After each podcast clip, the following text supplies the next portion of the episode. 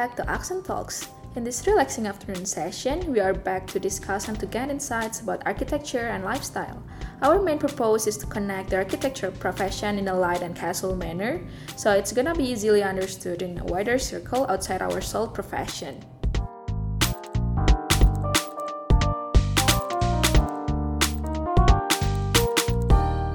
Tanggal 29 Juni uh, adalah World Industrial Design Day atau Hari Desain Produk Industri uh, Dunia. Tahun ini topik yang diangkat adalah Design for Your Everyday Life atau desain untuk kehidupan sehari-hari. Pada hari ini, uh, 19 komunitas dan institusi bersama-sama menyelenggarakan maraton webinar dan Instagram Live dari jam 9 pagi sampai jam 10 malam nanti. Jadi hari ini sangat bergizi teman-teman. Siapkan aja kuota internet yang banyak. Sebelumnya sudah ada tetangga di Braga nomor 13 yaitu dengan tema Everyday is Design Day dengan uh, Kenneth Cobonpiu dari Philippines yang diselenggarakan oleh BCCF atau Bandung Creativity Forum. Epilog Virtual Architecture Exhibition by Galeri Gunadarma dan Arsitektur ITB merupakan pameran tematik yang biasa diadakan secara fisik, memamerkan dan mengapresiasi karya para wisudawan dan arsitektur ITB. Namun, pada kesempatan kali ini, epilog dilaksanakan berbeda dari biasanya. Ya, ini dengan penggunaan platform online. Epilog berperan sebagai uh, wadah pembelajaran dan pengetahuan, serta sarana bertukar inspirasi, ide, dan pikiran bagi sesama mahasiswa, tenaga pendidik maupun masyarakat umum. Pada kesempatan kali ini, Aksentox mengundang Epilog ITB untuk berdiskusi lebih jauh untuk hal yang di belakang layarnya, perihal makna, karya-karya dan proses kreatif dan pameran epilog uh, sehingga uh, wadah diskusi Aksen Talks ini uh, dengan epilog ini terbuka dengan uh, ramah tamahnya untuk segala bentuk apresiasi, kritik dan saran agar pendidikan arsitektur Indonesia terus maju ke depannya. Kita waktunya di awal ini 20 menit ya Mas Nadif presentasi, habis itu kita diskusi. Di sini juga uh, ada kolom chat ya teman-teman. Jadi untuk mungkin kalau misalnya teman-teman ada pertanyaan langsung boleh di, diajukan di kolom chat uh, saya mohon semuanya mungkin di mute dulu uh, supaya kita bisa uh, fokus ke pembicara. Yang pertama. Yang kedua mungkin nanti sambil jalan kalau misalnya ada pertanyaan tolong ditulis di kolom chat nanti saya coba bacakan satu-satu. Kira-kira gitu ya pengantarnya Mas Nadif. Waktu dan kesempatannya kami berikan. Terima kasih. Oke, makasih Pak Yanwar. Oke, uh, selamat sore sekali lagi teman-teman semua. Uh, sebelumnya saya ingin terima kasih kepada Pak Yanwar dan Kak Zahra dari Accent Talks atas kesempatan ini. Uh, pada hari ini kita akan ngebahas soal epilog sendiri sebagai pameran tugas akhir arsitektur dan uh, menyinggung juga soal uh, pameran virtual. Uh, perkenalkan terlebih dahulu, nama saya Nadif, saya mahasiswa arsitektur ITB tahun 2018 dan berikut pengalaman acara saya.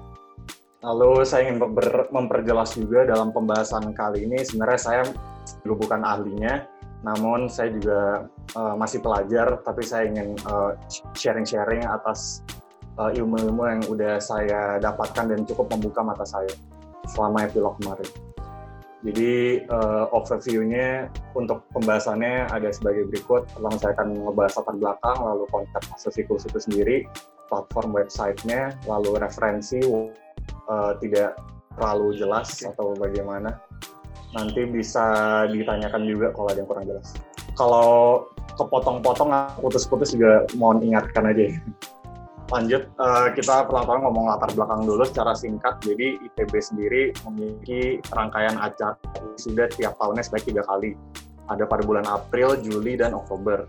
Jadi uh, para dewi sudah April kemarin ya IMAGE salah satu partisipannya ikut memeriahkan lalu juga uh, juga memiliki acara internal yaitu syukuran wisudawan dan epilog ini sebagai pameran tugas akhir sebagai salah satu acara syukuran wisudawan tersebut.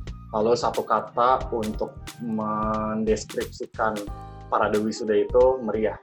Mungkin itu aja. Lalu untuk epilog sendiri uh, sebagai pameran tugas akhir yang biasanya diadakan secara fisik di Galeri Arsitektur ITB. Biasa diadakan tiga kali setahun, yaitu pada bulan April, Juli, dan Oktober. Mungkin uh, gambaran untuk uh, epilog biasanya diadakan seperti ini. Lalu tentunya pandemi kemarin benar-benar uh, berdampak kepada ITB dan segala acaranya. Secara acara dibatalkan, kepanitiaannya juga dibatalkan, prosesinya bahkan juga dibatalkan, dan juga tentunya sponsor-sponsor, partner dan vendor itu juga dibatalkan. Lalu waktu itu uh, kita ngobrol-ngobrol juga sama wisudawannya Kak enggak karena menurut kami ini banyak potensinya juga di ITB juga belum kita melihat kita melihat uh, potensinya bagus juga dan di ITB juga belum banyak pameran online ini. Lalu sebenarnya uh, konsep fase siklus itu sendiri udah kita canangkan dari awal banget dari rencananya masih pameran fisik. Terus uh, sebenarnya kita membuat konsep ini atas dasar biasanya kalau wisuda April itu relatif jumlah wisudanya dikit, jadi kita dikasih ruang lebih banyak untuk bisa mengeksplorasi konsepnya. Karena uh, sebagai komparasi biasanya kalau wisuda Juli dan Oktober itu bisa sampai puluh-puluhan, bisa sampai 40, 50, 60 wisudawan dan di situ biasanya konsepnya nggak nggak begitu dimainin. Tapi untuk April biasanya kita bisa lebih memainkan konsep dan andai kata kalau di kalau di ruang pameran fisik itu um, setiap wisudawan punya ruang lebih banyak untuk memamerkan kontennya. Nah untuk fase itu sendiri sebenarnya kita artikan sebagai suatu perkembangan tingkatan masa, lalu siklus sebagai rangkaian kejadian yang berulang dan uh, menurut kami fase siklus itu memang suatu bagian penting dalam uh, proses desain yang tidak lepas dari pengembangan suatu ide dan akhirnya menjadi suatu hasil akhir lalu kembali lagi ke titik awal lantas layak umum. Representasi yang kita pakai bunga dan bulan. Market tiket oke okay, uh, maka dari itu kita programasi konsepnya menjadi tiga fase yaitu benih di mana uh, kita bisa memamerkan benih-benih atau konsep-konsep awal, gagasan-gagasan awal, ide-ide awal suatu desain yang kian akan dikembangkan, lalu fase 2 itu sebagai mekar. Mekar itu diartikan sebagai hasil-hasil um, akhir dari benih-benih yang sudah dikembangkan. Lalu ada juga fase 3 siklus, yaitu bagaimana uh, ini menjadi refleksi untuk para wisudawannya juga untuk melanjutkan perjalanan mereka dan juga sebagai inspirasi untuk masyarakat umum. Dan memang value-value yang ingin kita bawakan itu pada uh, pameran online ini dari segi interaksinya, dari segi inspirasinya, dan juga segi eksplorasinya, dan juga nilai yang kita ingin bawakan proses dan uh, pengembangan dalam desain tujuannya juga yang pertama yang jelas kita ingin mengapresiasi dan mempublikasikan karya tugas akhir wisudawan tersebut dan juga kita memiliki mimpi bahwa dan menjadi wadah untuk kita ingin menjadi wadah inspirasi dan wadah bertukar pikiran juga lalu meningkatkan peluang karir para wisudawan dan juga karena kita sebelumnya nggak punya referensi terhadap pameran online jadi kita ingin mempromosikan acara ini seluas mungkin. Nah, kalau ditanya platformnya waktu itu mau apa, kita punya banyak banget pilihan, mulai dari sosial media sampai ada beberapa platform khusus. Pertama, mungkin yang waktu itu saya sempat bahas itu ada YouTube, contohnya dari Museum Picasso, uh, itu kayak walkthrough pameran, waktu pameran di ruang fisik kayak begitu, tapi uh, menurut kami waktu itu kayak kontennya jadi su suka susah terfokuskan gitu kalau lewat video terus ada juga uh, Google Earth. Google Earth waktu itu uh, Ima G sendiri pernah ngebuat pameran kuliah lapangan uh, namanya Arsitenar namanya Arsitenar Tokyo. Terus uh, di situ kita bisa jalan-jalan kayak macam pakai Google Street tapi bisa uh, ada semacam penjelasan-penjelasannya gitu.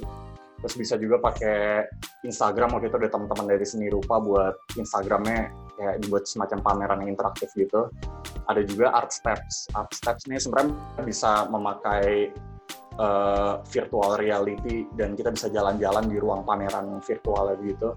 Tapi secara uh, penampilan kita yang mahasiswa arsitektur yang biasa ngelihat di render itu kayak agak kurang gitu dalam segi uh, penampilannya.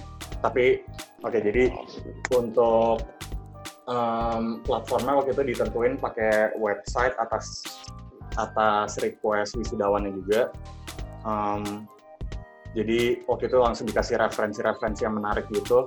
Terus menurut kami juga dengan website ini bisa bisa lebih interaktif, bisa lebih inovatif, bisa lebih eksploratif dan jangkau jangkauannya pasti bisa lebih besar dan menurut kami lebih proper dan lebih elegan gitu dalam uh, menjadi wadah pameran karena kita beranggapan bahwa kalau memakai media sosial itu sebenarnya media sosial lebih untuk publikasinya gitu. Jadi kayak kalau dijadiin wadah pameran tuh dirasa kurang tepat.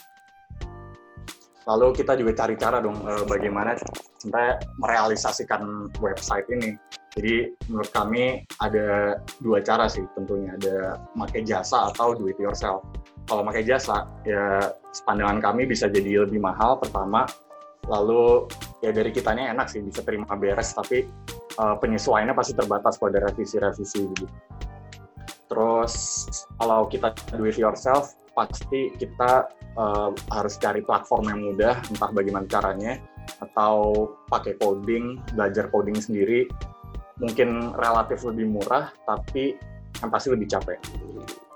Terus platformnya dari situ kita uh, udah riset-riset kecilan kayak banyak banget ternyata platform yang um, bisa user interface-nya udah paling friendly. Oke, jadi untuk platform website-nya ini semua yang udah kita rasa paling user friendly dan uh, emang tujuan mereka untuk bisa memudahkan kita membuat website. Uh, uh, terus juga ada beberapa keunggulan yang setiap platformnya bisa sediakan dari segi kepraktisannya, lalu interface-nya se-user friendly apa, lalu layout-nya bisa sebebas mungkin, nggak seperti kayak Tumblr atau blog yang mungkin ada template-template yang nggak bisa kita eksplorasi lebih lanjut. Terus format filenya bisa banyak, bisa GIF, bisa um, video dan lain-lain. Lalu secara harga sebenarnya tergantung platform juga, tapi relatif lebih murah dibanding memakai jasa mungkin.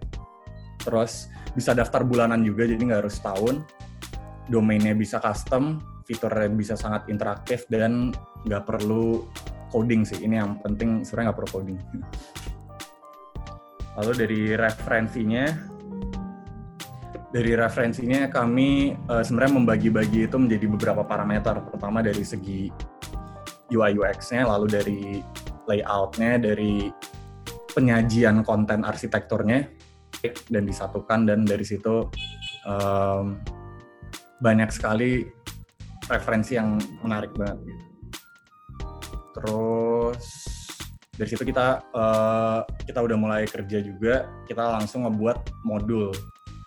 Modul ini berfungsi sebagai kitab kita untuk bekerja sih, baik untuk wisudawan dan panitia. Isinya apa? Modulnya isinya uh, dari konsep kita jabarkan di situ, referensinya apa, platformnya apa, workflow-nya bagaimana Terus yang penting juga sebenarnya studi konten. Studi konten itu dalam rangka kita bisa menyelaraskan seluruh konten seluruh konten wisudawannya. Lalu alternatif desainnya ada apa aja, timeline dan SOP. Dan juga penting untuk kita bisa mapping mapping semacam uh, bagaimana kita menghubungkan satu halaman ke halaman lain. Lalu kita juga buat uh, beberapa prototype website atau kita sebutnya dummy di sini. Uh, epilog sendiri kemarin sampai uh, empat empat dummy dan itu desainnya cukup beda-beda semua tapi dari situ kita bisa belajar bagaimana bisa mengolah lebih lanjut dan akhirnya kita sampai di titik kepuasan pada dummy yang terakhir. Lalu dari eksekusi pembagian job desa sebenarnya ini tergantung dari uh, kebutuhannya juga dari kontennya mungkin apa. Tapi kalau dari epilog kemarin kita ada tim yang khusus untuk website grafis virtual eksibisi atau ruang virtual ruang pameran virtualnya. Lalu sadar bahwa Wisdawan tuh waktu itu kondisinya udah banyak yang kerja juga. Jadi um, pasti sibuk dan kita udah cukup antisipasi dengan kita udah ngebuat template setiap halaman wisudawannya jadi tinggal dimasukin konten-konten wisudawannya. Dari situ kita upload terus kita layout kalau cocok ya dipublish kalau nggak cocok di direvisi. Terus dari sistem operasinya juga sebenarnya ini yang mungkin agak yang mungkin agak susah itu ketika kita um, ngebuat sistem pendaftarannya jadi uh, kita waktu itu sempat nyoba dua cara entah bisa bisa langsung atau harus daftar dulu. Sebenarnya kayak kalau di pameran ruang kalau di ruang pameran asli kan sebenarnya kita juga perlunya pendaftaran ini kan. Terus um, kalau misal kayak kita kayak ke museum macan gitu kita biasanya uh, daftar untuk sekali masuk dan keluar udah nggak bisa udah nggak bisa lagi gitu. Dan di situ sebenarnya di ruang pameran ini. Sedangkan kita juga nggak mau kayak ruang pamerannya itu kayak seterbuka itu jadi kita nggak bisa ngedata siapa yang udah masuk atau dari mana aja gitu. Terus kita antisipasinya juga gimana secara keamanan um, kita pakai kita pakai cara ganti domain setiap setiap hari gitu. Jadi supaya uh, pengunjung nggak bisa akses di hari yang berbeda tapi mungkin di hari itu masih bisa. Terus secara teknis sebenarnya kalau dari platform-platform tadi um, suka kalau beda rasio laptop suka beda penampilan gitu kayak suka ada yang kepotong. Oke, sebenarnya kita megang empat kunci ini yaitu bagaimana bisa menuang pengalaman tiga dimensi ke ranah dua dimensi secara efektif, terus uh, secara desain juga bisa efektif dan efisien dalam menyampaikan keseluruhan informasi, terus uh, appealing juga untuk semua kalangan seperti yang tadi saya bilang nggak nggak pengen cuma masa arsitektur doang tapi bisa appealing ke semuanya. Terus juga ngebentuk identitas akan pameran itu sendiri. Saya warning juga menurut saya ini juga bisa jadi sangat subjektif. Jadi kami punya persepsi dalam uh, layout keseluruhan itu uh, ada tampilan yang blok banget dan pameran banget. Bedanya apa? Beda kalau blok itu biasanya kami itu yang biasa lebih formal sih tampilannya secara secara keseluruhan kayak padat konten gitu. Terus uh, dirasa interaksinya bisa jadi minimal karena semua konten udah disajiin dalam satu frame yang untuk mencapai dari satu informasi ke informasi lain tuh dirasa uh, interaksinya nggak nggak begitu banyak gitu. Terus ruang bernafasnya juga mungkin minim banget dan um, dan ba jadinya banyak distraksi gitu. Sedangkan kalau pameran itu menurut kita bisa kita bisa lebih fokus akan kontennya.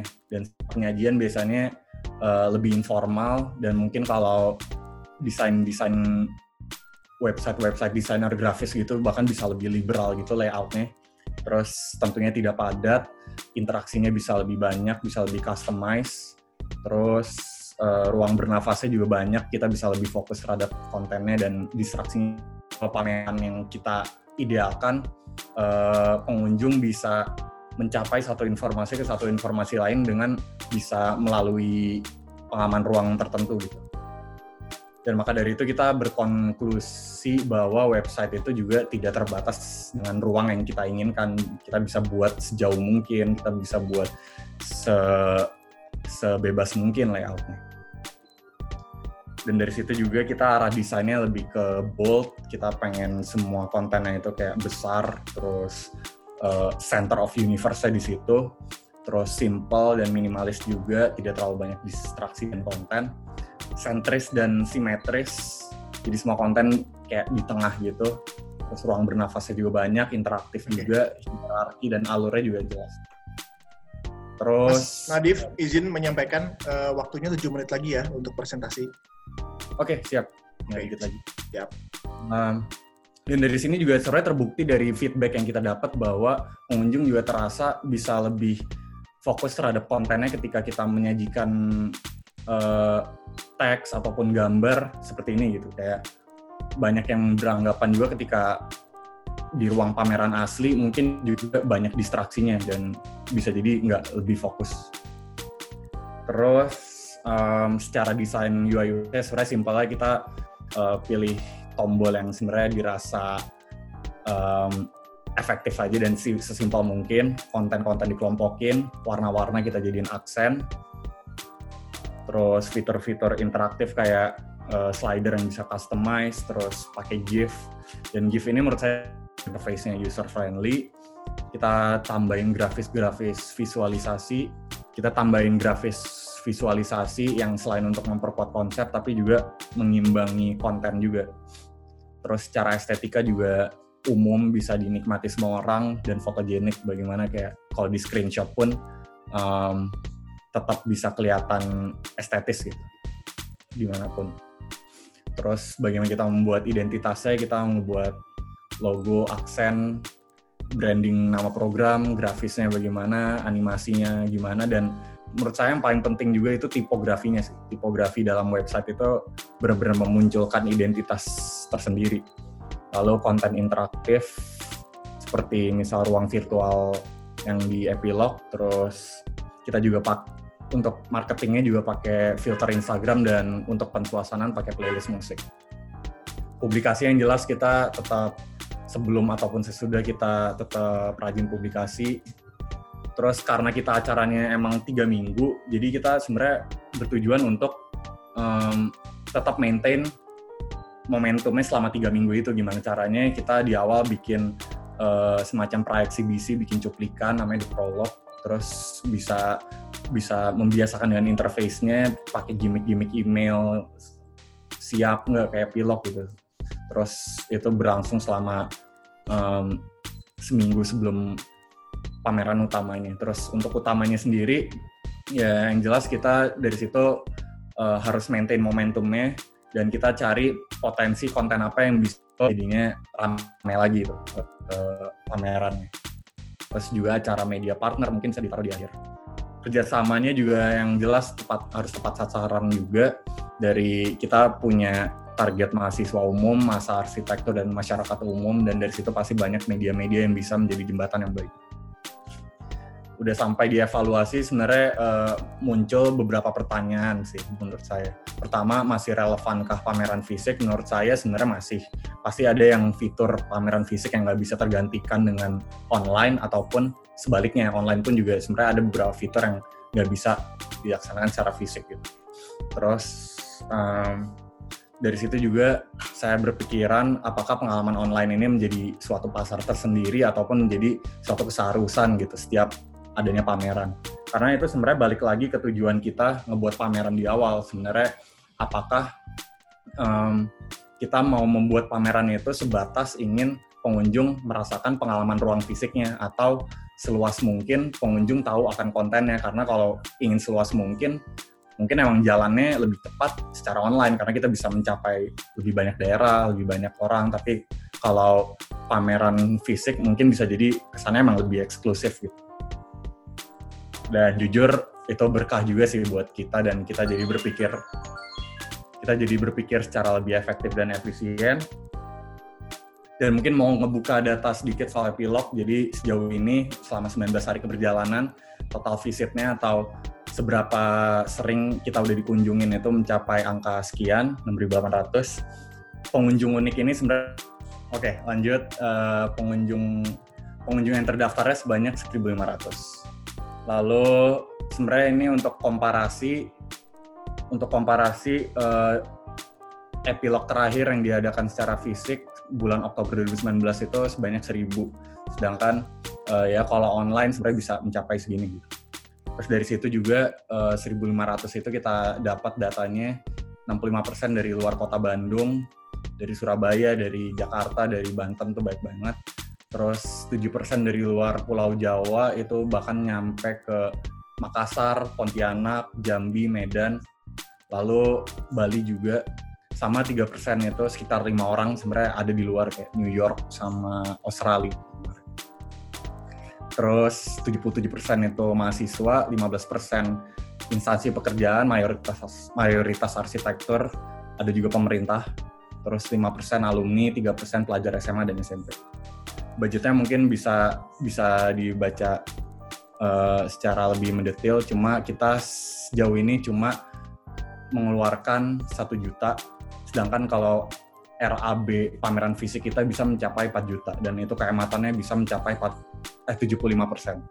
Terus ya yang jelas tantangannya sebenarnya lebih ke arah dan bagaimana itu bisa uh, menjawab solusi itu. Lalu potensinya potensinya menurut saya adalah bagaimana acara itu kemarin bisa membuahkan profit sih sebenarnya. Bagaimana bisa sponsor dan product placement lalu tidak terhambat izin konvensional, waktu dan ruang juga sebenarnya, dan tentunya uh, greater innovations, greater experience juga untuk adanya acara seperti ini. Terakhir saya ingin terima kasih pada media partner saya dan mungkin cukup sekian. Terima kasih. Terima Halo. kasih teman-teman Epilog, Mas Nadif. Eh, di sini sudah ada beberapa pertanyaan dari teman-teman. saya juga coba bantu wrap up ya. Em, kebetulan saya juga baru beberapa kali, hitungannya masih jari untuk bisa mengunjungi pameran virtual dan online gitu. Jadi ketika saya masuk ke pameran Epilog gitu ya, wah ini gila sih. Effortnya gue pikir pakai coding segala, tapi ternyata sangat simpel ya dan biayanya sangat ringan. Eh, yang mau pertama gue tanyakan ini pamerannya sampai kapan ya Mas Adit? Pamerannya sampai 30 Juni.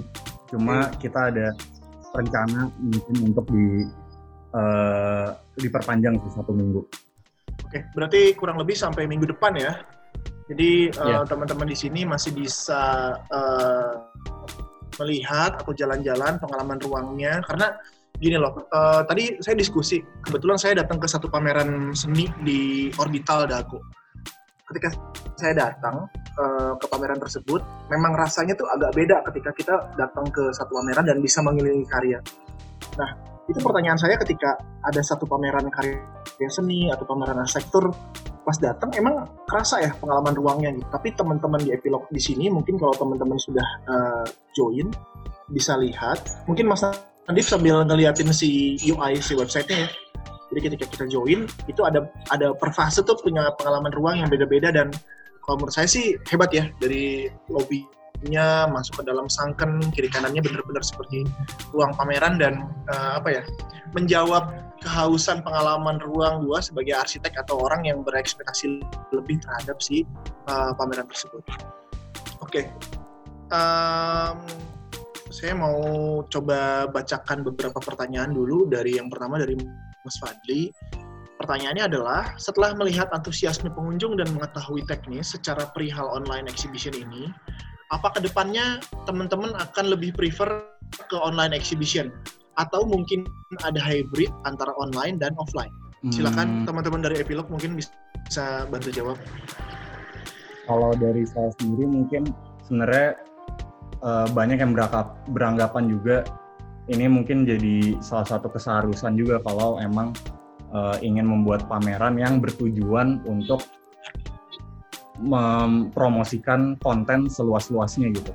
Kalau emang tujuannya banyak orang yang tahu, mungkin ya justru bisa memanfaatkan online ini. Cuma kalau memang sebatas ingin ngebuat pameran fisik, yang pengalaman ruang fisik gitu, yang eksklusif mungkin, dan ya bisa jadi eh, nggak perlu sih online-online ini.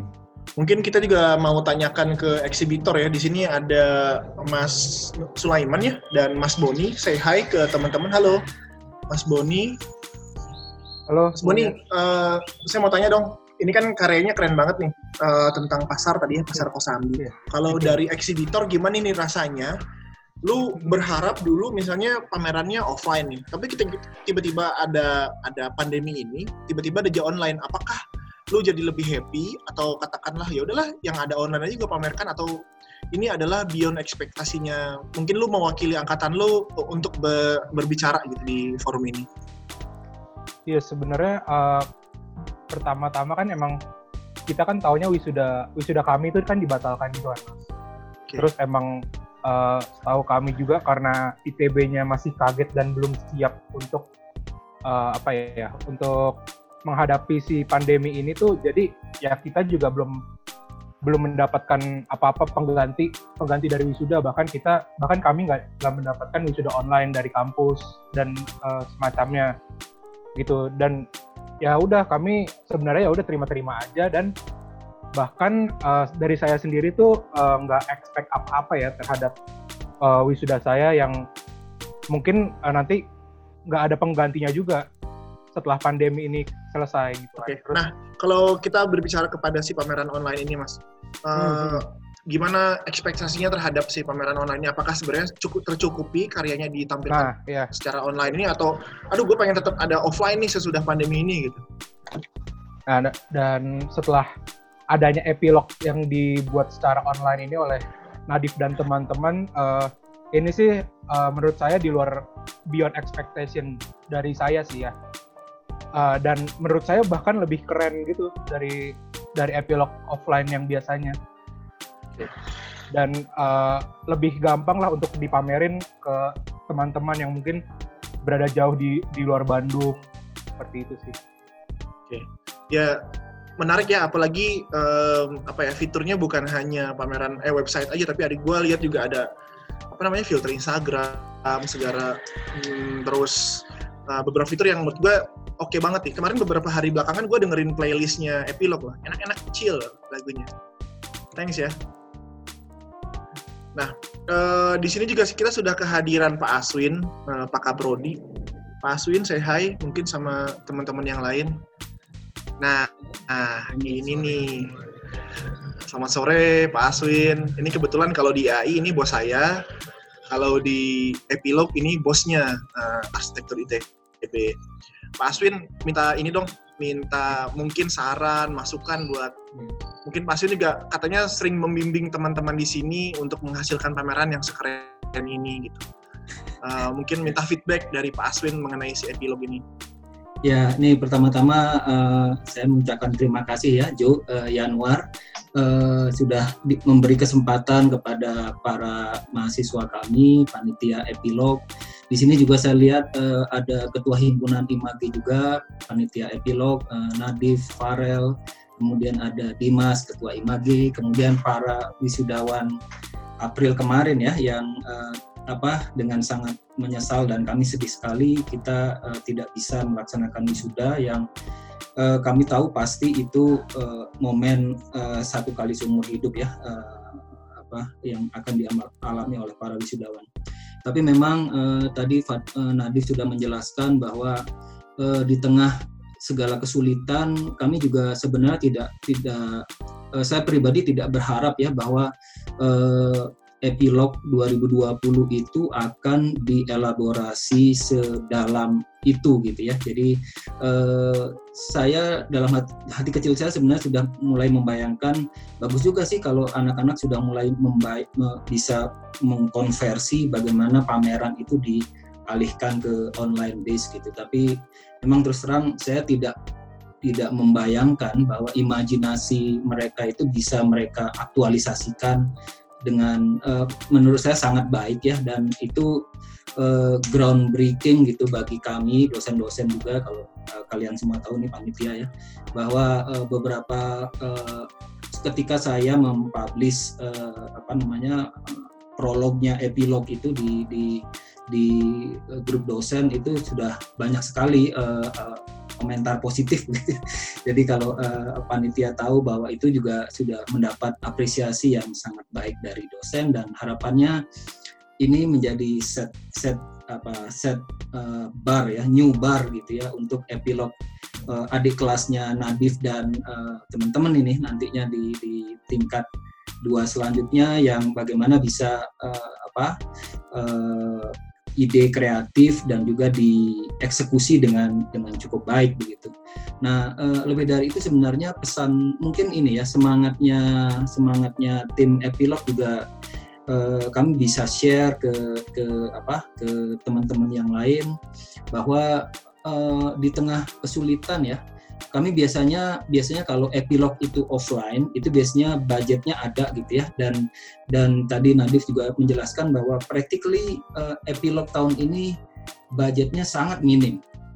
Dan itu semuanya hanya bersumber pada semangat aja. Anak-anak uh, panitia itu semangat ingin berbuat sesuatu di tengah kesulitan. Dan menurut kami itu yang semangat itu yang yang kita bisa share uh, ke teman-teman mahasiswa. Di sini mungkin ada dari beberapa universitas lain ya bahwa uh, uh, karena kita sekolah di sekolah desain ya sekolah yang kreatif itu bond uh, beyond boundaries gitu ya. Maksudnya borderless gitu. Kita mau berkreasi tidak hanya urusan arsitektur tapi juga desain grafis.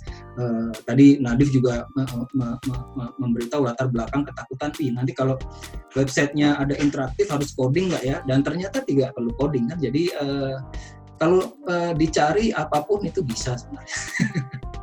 Gitu. Jadi itu uh, Jo jadi uh, saya ingin pertama ya itu tadi uh, terima kasih ya buat Aksen Talk kemudian terima kasih uh, Pak Swin apresiasi dan selamat buat itu uh, para wisudawan yang kemarin uh, apa sorry to say kami minta maaf tidak bisa menyelenggarakan uh, perayaan wisuda April yang biasanya sekitar 12 mahasiswa, kalau Oktober memang lebih banyak.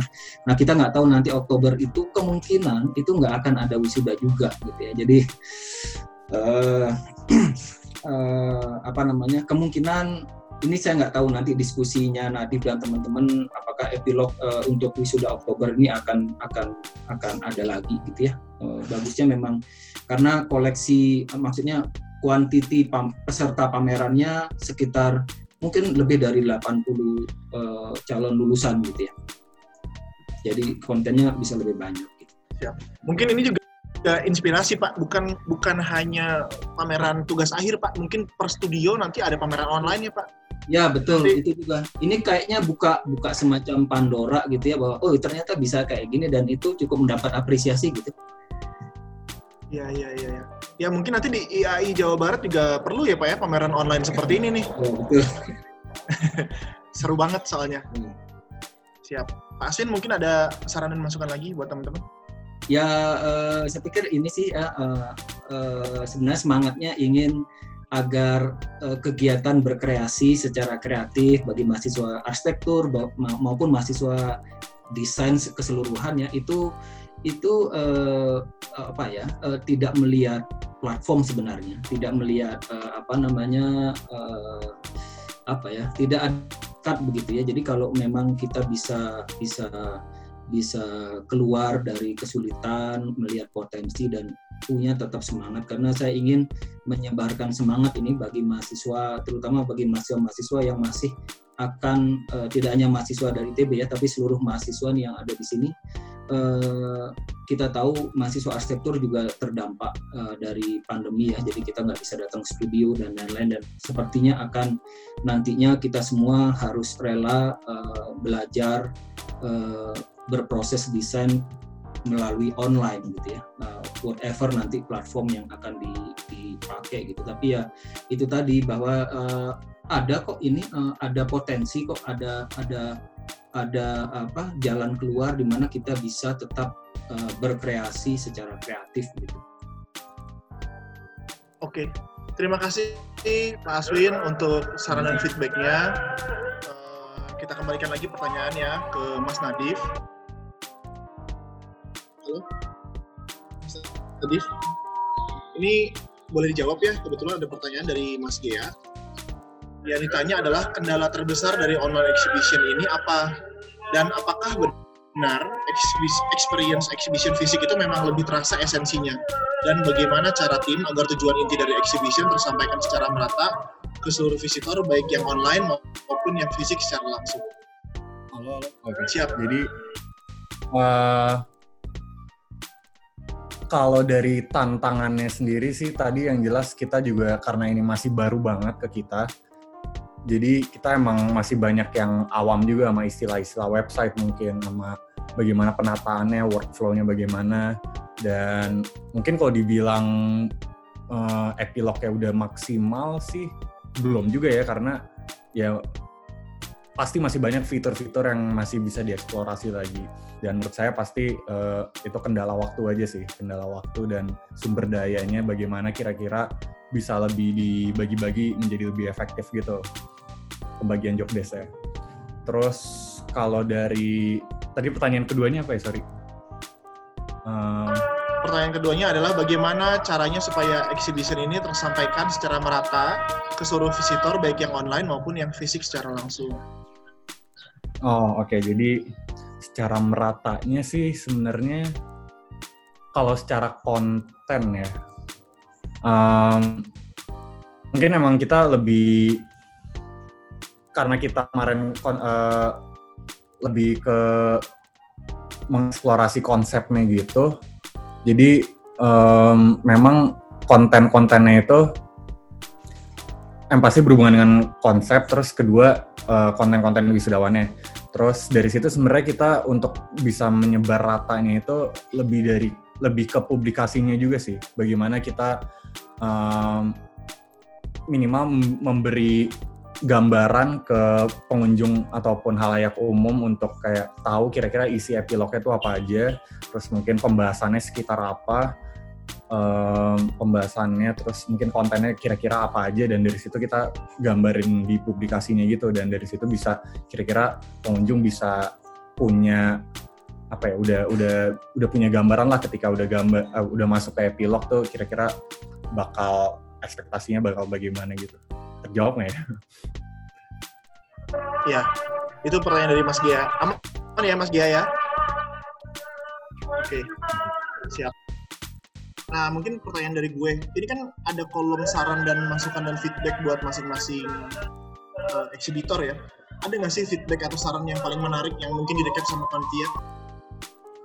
Oh, ada sih waktu itu sempat membuat saya uh kena banget gitu kayak uh, apa ya pokoknya waktu itu panjang banget feedbacknya. Dia katanya emang um, dia katanya uh, pengunjung awam gitu dia nggak tahu arsitektur dia bukan anak arsitektur dan dia kayak benar-benar tahu ini basically dari publikasi kita gitu terus kayak dia nggak berharap apa-apa dan ternyata dia se jadi empatik gitu dengan uh, bagaimana uh, proses desain arsitektur itu mungkin emang terkesannya susah dan uh, dan menantang gitu. Dan dari situ uh, emang sih dari kita membawa proses dalam desain itu juga harapan pengunjung yang awam pun bisa lebih mengerti dan lebih empatik terhadap suatu desain secara keseluruhannya. Dan dari situ dia juga ngejelasin juga kayak uh, bagaimana arsitektur itu ternyata dia relevan juga bagaimana uh, programasi kita yang fase benih siklus itu juga benih mekar siklus itu bisa uh, dia dia relevansi dengan uh, kehidupan dia dan dari situ kayak kita dapat banyak insight juga gitu sih. What's next? Jadi setelah website ini apakah bikin buku atau ada dokumentasi lainnya gitu? Um, biasanya sih kalau yang fisik ada buku ya, cuma kita belum tahu nih karena mungkin juga dibuat arsip digitalnya aja dulu karena nanti okay. kalaupun pamerannya udah kelar tuh sebenarnya websitenya juga masih ada cuma mungkin domainnya jadi ganti aja gitu dan jadi agak abal gitu. Cuma mungkin terus um, ya mungkin untuk ke depannya juga kita bakal terus inovasi lagi sih kira-kira uh, penyajian websitenya lebih menariknya bagaimana gitu. Siap Oke, okay, teman-teman, uh, tiba kita di akhir uh, Aksen Talks kali ini. Terima kasih sekali, banyak sekali lagi ya Mas Nadif dari uh, Epilog ITB. Kita ucapkan. Uh, izinkan saya untuk membacakan kesimpulan dari diskusi kita kali ini. Uh, saya coba saya coba rangkum, yaitu uh, tetap ada hikmah dari keadaan yang tidak bisa dihindari di mana virtual exhibition kali ini dengan mengejutkan dapat mengkomunikasikan karya yang lebih luas, efektif, dan kreatif dibandingkan offline exhibition. Hal ini membuka feedback, kritik, dan saran untuk ke depannya yang inklusif bagi publik. Karena tadi juga kita lihat ada ada feedback ya ternyata dari uh, peserta uh, non arsitek gitu. Nah, terus uh, ini terakhir, mungkin sebelum kita tutup dengan foto bareng, mungkin teman-teman boleh isi polling ya, singkat aja. Ini ada beberapa poin, mungkin tinggal di checklist checklist aja. Uh, ini untuk membantu kita supaya uh, Accent Talks dan Epilog lebih bisa lebih baik lagi. Silakan teman-teman. Makasih sekali lagi Pak Yanwar, Kak Zara, tadi Pak Aswin juga. Makasih banget. Makasih banget. Ya, thank you juga teman-teman Epilog. Uh... Terima kasih Mas Raka Gema. Beliau bilang bahwa keren banget virtual exhibition-nya.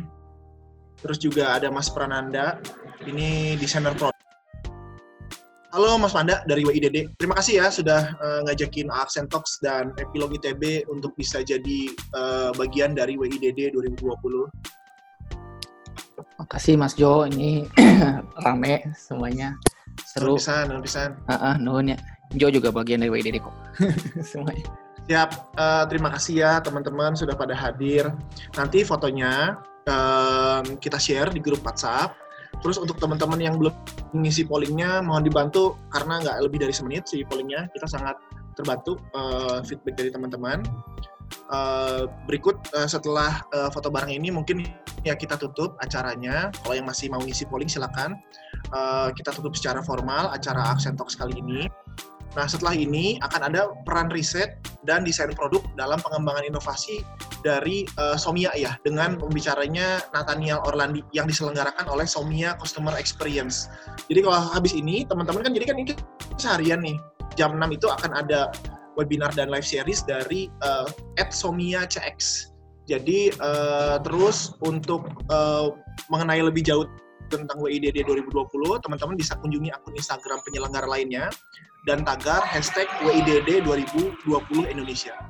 Sekian Aksen Talk uh, sore ini, teman-teman. Terima kasih waktu dan kesempatannya. Assalamualaikum warahmatullahi wabarakatuh. Waalaikumsalam.